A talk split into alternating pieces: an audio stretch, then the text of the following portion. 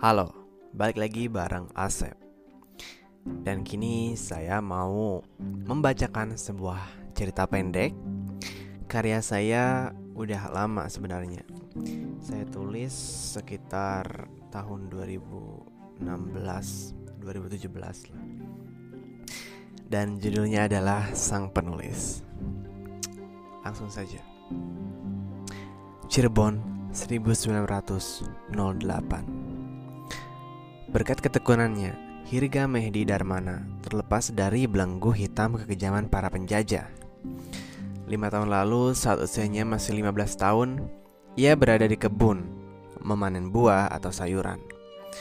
Kedua orang tuanya sudah meninggal, dibunuh penjajah, ketika Hirga masih 12 tahun.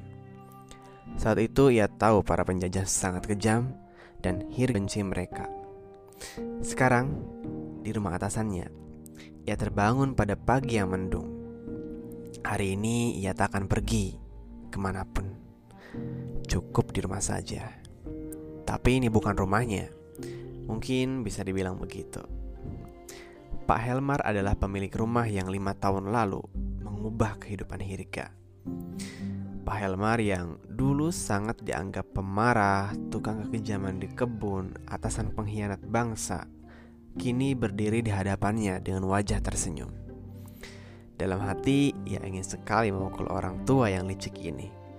Kalau saja Hirga tidak memikirkan bahwa ia berutang budi pada Pak Helmar. Dan memang, orang tua itulah yang mengubah hidupnya lebih baik Hirga adalah penulis novel terkenal bagi kalangan bangsawan Belanda yang amat menyukai karyanya. Hari ini adalah peluncuran novel kelimanya. Pak Helmar menyuruhnya segera bersiap-siap. Hirga mandi, memakai pakaian berwarna, berwarna cerah yang dari dulu tidak disukainya. Ia menuju Batavia dan bersikap tak senang setiap kali menuju ke sana.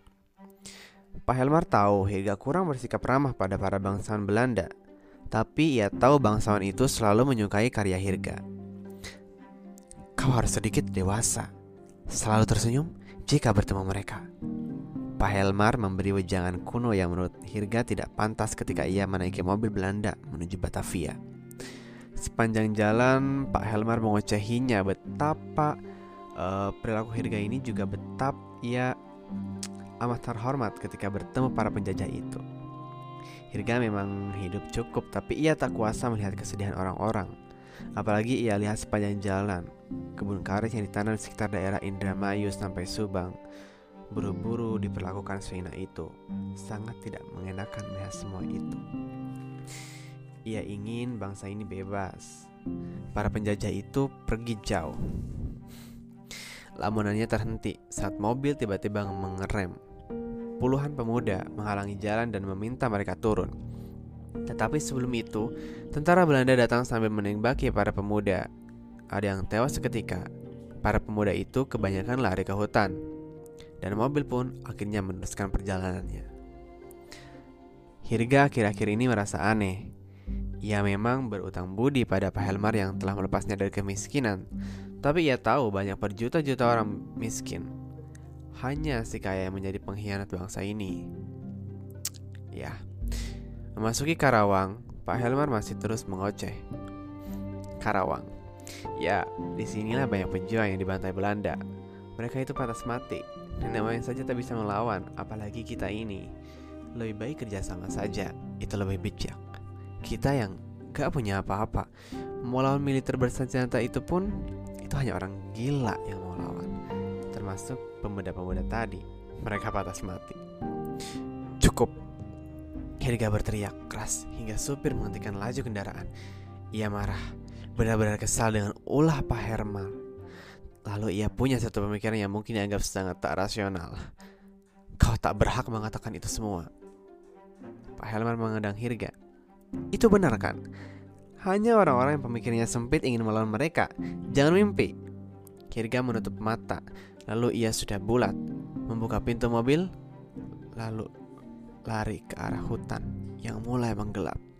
Pak Helmar mencoba mengejarnya, tapi tubuhnya yang gendut membuat orang tua itu menyerah.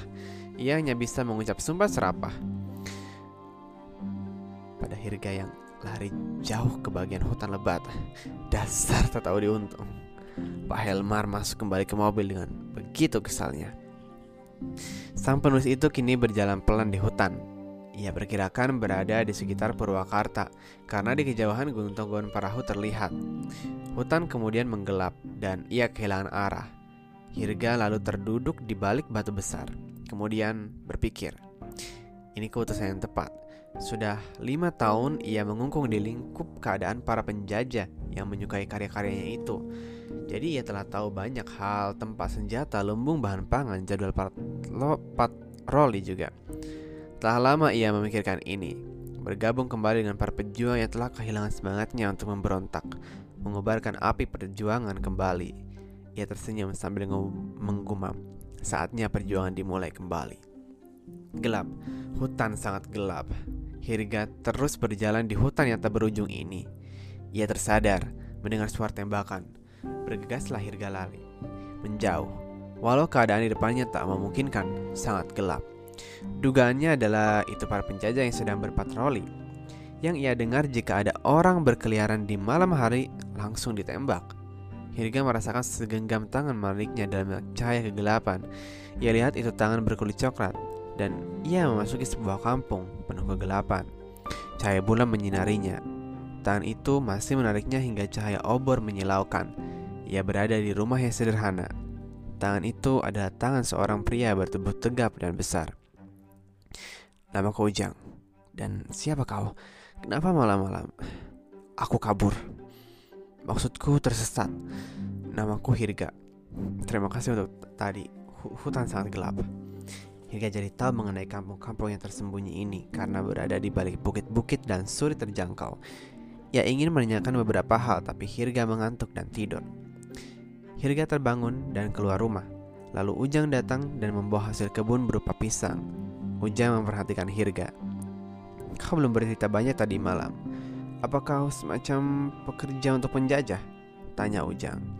Oh maaf, lebih baik aku membuka pakaian ini. Terlalu cerah. Ia membuka baju. Hirga lalu menceritakan mengenai dirinya yang merupakan penulis, tapi lari karena ingin melawan penjajah. Melawan? Itu tidak mungkin. Kami di sini hidup aman, sanggah Ujang. Tapi sampai kapan? Bagaimana kalau mereka menemukan kampung ini? Selama ada mereka, kita tidak akan bisa bebas. Kau pasti sudah tahu sejak kapan orang-orang itu ada. Ratusan tahun mereka di sini. Itu sangat uh, sangat tidak menyenangkan. Kita harus melawan. Hirga mencoba meyakinkan. Kini ia tahu keputusan yang tepat. Ia ingin berjuang dan langkah awalnya adalah ini. Aku dengar para pejuang ada di sekitar sini. Kita bergabung dan mencoba meyakinkan masyarakat lain. Ayolah, ini bisa jadi kemerdekaan kita yang akan tercatat sejarah.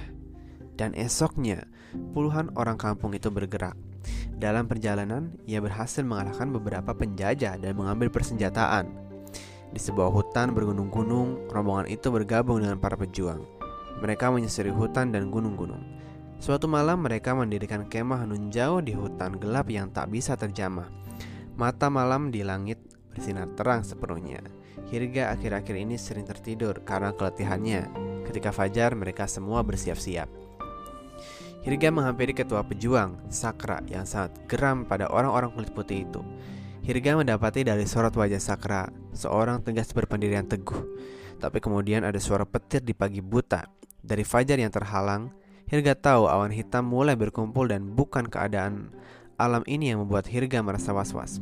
Sejak ia memutuskan keluar dari lingkup penulis, ia semakin bisa merasakan Tuhan akan menguji mereka ke dalam batas yang berbahaya. Sosok hitam dari balik kegelapan fajar menghadang. Petir menggelegar sampai dua oktav bahkan lebih atas akan ukuran tingkat gemuruh gunung yang meletus di Bima mengagetkan hati semua manusia. Pendengarannya menjadi tulis saat itu dan hingga ledakan buatan yang hidup membuat para pemberontak gugur dalam waktu 30 menit. Hujan turun laksana menyambut kesedihan bagi sang pemberi harapan. Mereka masih bercokol menduduki emas-emas. Hujan terdiam mendapati Hirga mengatakannya sangat indah, bagian dari karya sastra terbaik Hirga. Tapi akhirnya sangat menyayat hati, kesedihan, ketidakadilan. Perjuangan 10 orang pemberontak malam tirani keserakahan harus lenyap. Semoga itu terjadi pada kita. Ujar Ujang lalu pergi. Hirga tersetrum kaku. Kini firasatnya mengatakan demikian, bahwa sesuatu yang hitam seperti awan mendung itu akan menaungi mereka. Pagi yang kurang mendukung itu mereka jalani mulai berjalan ke arah utara, tujuannya Batavia. Para penjajah itu berdiri di pusatnya. Baru sekitar tengah hari, hujan berhenti. Hirga melihat di kejauhan kota pusat itu. Malam kedua, semua bersiap menyerang. Hirga gemetar hebat. Ia berani, tapi ada sesuatu yang membuatnya aneh. Ia percaya diri tapi ini bukan saatnya, bukan. Saat Sakra berkomando, para pejuang maju. Terdengar suara tembakan sampai-sampai mengalahkan suara keramaian di pelabuhan. Ataupun suara adu pedang hingga Hirga masih terdiam lalu hening. Ia melangkah dan terjatuh tak sadarkan diri. Ia terbangun di ruangan bagus yang rumah yang sangat indah. Bertemu Pak Helmar yang tersenyum. Hirga memukulnya. Ia lari tapi di luar ada sepasukan penjajah. Seorang jenderal melangkah di hadapan Hirga. Si Auto is back. Hirga ingin memukulnya. Ia mengingat para pejuang mungkin telah tewas. Sekian cerita pendek dari saya. Semoga bisa terhibur dengan cerita saya. Terima kasih, sampai jumpa di podcast saya berikutnya. thank you